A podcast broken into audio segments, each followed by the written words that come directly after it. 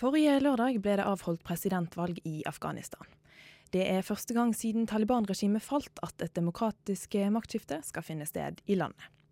Syv millioner afghanere gikk til valgurnene og trosset med det truslene fra Taliban om å aksjonere på dagen. Men er valget gjennomført uten valgjuks, og hvem blir egentlig ny president i Afghanistan? For å hjelpe oss med å svare på det, har vi fått besøk av Ahmad Gulami fra den norske Afghanistan-komiteen. Velkommen. Eh, takk skal du ha. Eh, og aller først, altså I forkant av valget så, så, var man bekymret for valgjuks, og det var trusler om angrep fra bl.a. Taliban. Hvordan gikk gjennomføringen av valget? Ja, Som uh, du sa, uh, valget fant sted 5.4 og tross regnværet og trusler fra Taliban. Eh, folk kom ut og stemte. Eh, det har vært veldig stort engasjement og entusiasme blant afghanske velgere til å komme ut av huset og stemme. Det kan skyldes den høye, høye, høye deltakelsen. At uh, som du nevnte, syv millioner har stemt denne gangen. Mens uh, det var fire millioner, litt over fire millioner som stemte ved 2009-presidentvalget.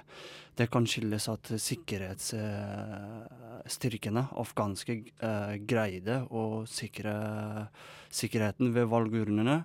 Og at også ikke minst media media var veldig flinke til å spre informasjon denne gangen. Arrangere valgdebatter mellom, mellom presidentkandidatene. Og presidentkandidatene har vært også konstruktive og oppmuntret og oppfordret, uh, utfordret, oppfordret velgerne til å stemme. men vi vet nå at fusk har funnet sted. det er registrert ca. 3000 klager. Mm. Eh, men det er litt for tidlig å si hvor alvorlige de eh, klagene er.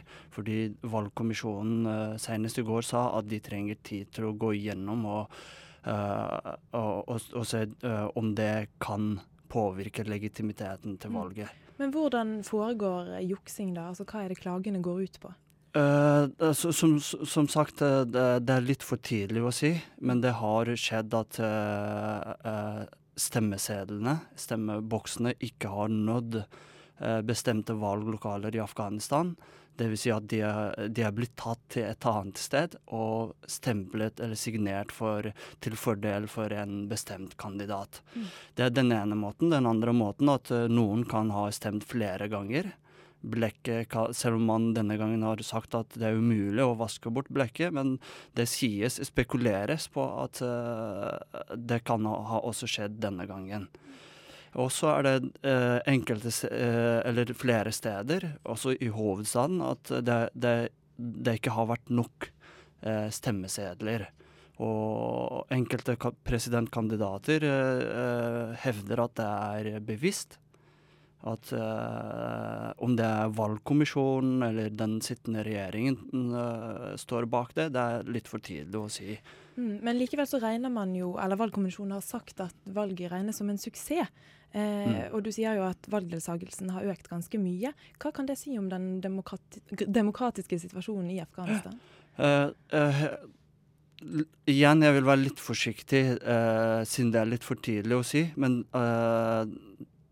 det, det, synes uh, som om at uh, fusk er mindre alvorlig denne gangen. At det er ikke så omfattende som i 2009. Og at uh, valget er blitt gjennomført på mer forsvarlig måte denne gangen. Og også internasjonale aktører som USA, FN og Storbritannia har gratulert Afghanistan allerede. Og folk flest i Afghanistan også er fornøyde mm. med gjennomføringen av valget. Mm. Den siste tiden så har jo vi i Vesten lest mye om at det er to journalister som ble drept i mm. Afghanistan. Hvordan har det vært for mediene å dekke dette valget? Uh, heldigvis har uh, afghanske medier og også noen internasjonale uh, reportere vært i Afghanistan og greid å dekke valget i Afghanistan. fra Norge har vi bl.a. Anders Hammer i Afghanistan og Aisha Olusmel, som har også vært i Kandahar. Eh, der Taliban oppsto. Så eh, både spesielt afghanske uh, medier har, har, greid å dekke valget på en tilfredsstillende måte. Mm. Nå, nå vi, er det nesten en uke siden valget, men er det klart hvem det er som blir ny president? Uh, igjen litt for tidlig å si, men det er tre favoritter. Uh, to av de er kanskje mer uh, fremtredende. Det, det, det, gjelder doktor Abdullah, Abdullah og Ashraf Ghani og Salmay Rasul. jeg tror valget vil stå mellom Ashraf Ghani og doktor Abdullah. Og hvis ikke en av de vinner i første omgang nå, så vil man gå i en ny runde. Da vil eh, Abdullah Abdullah stå mot eh, Ashraf Ghani. Men hvorfor er det sånn at man må ta en ny runde? Det er fordi Grunnloven sier det, at eh, en kandidat må oppnå 50 prosent av stemmene for å bli utropt som vinner. Mm. Afghanistan har jo en veldig ung befolkning. Hvordan er valgdeltakelsen blant den, denne unge befolkningen? Ja, Over 50% av befolkningen består av unge under 25 år. Og man har stemmerett i Afghanistan eh, når man fyller 18 år. Eh, unge har vært mer sindige denne gangen enn eh, ved tidligere valg. de er talsmenn i valgkampanjer, de er man managere osv. Uh, og enkelte uh, presidentkandidatene er klar over uh, den situasjonen, og de har sagt offentlig at så mange prosent av deres kabinett skal bestå av unge. F.eks. Zalmay Rasul har sagt at 40% av hans kabinett skal bestå av unge. Det samme har også doktor Abdullah sagt, at han vil gi større rolle til ungdommene, og at han bl.a. vil gjenopprette kvinneministeriet i Afghanistan. Mm. For nettopp kvinnene har jo ikke helt samme rettigheter i Afghanistan som de har her i Vesten.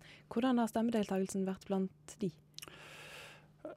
Teknisk sett ha, har uh, kvinner like rettigheter eh, som afghanske menn i Afghanistan. Grunnloven fra 2004 likestiller eh, kvinner og menn.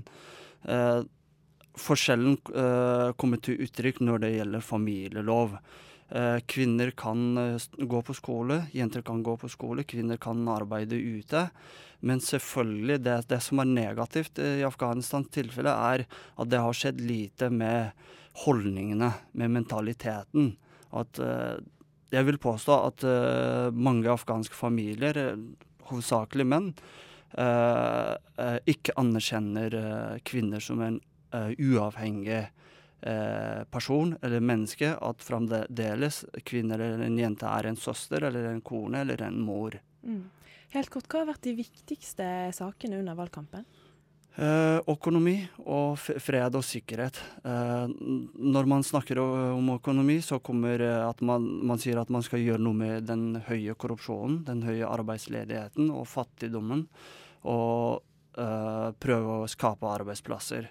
Og når man snakker om fred og stabilitet, så da er uh, utfordringen knyttet til Taliban. Skal det forhandles med opprørerne hvordan man skal få til fred i Afghanistan? Men jeg tenker at afghanerne uh, forventer at det skjer noe med den høye korrupsjonen, og at eh, det skapes flere arbeidsplasser. Eh, men de er klar over at forha eventuelle forhandlinger med Taliban kan ta tid. Nå får vi vite hvem det er som blir ny president, hvis det nå blir en andre runde? Eh, det eh, får vi ikke vite før eh, på slutten av denne måneden. Og, og, eller begynnelsen av Det endelige resultatet vil komme 8, mellom 8. og 14. mai. Hvem tror du vinner?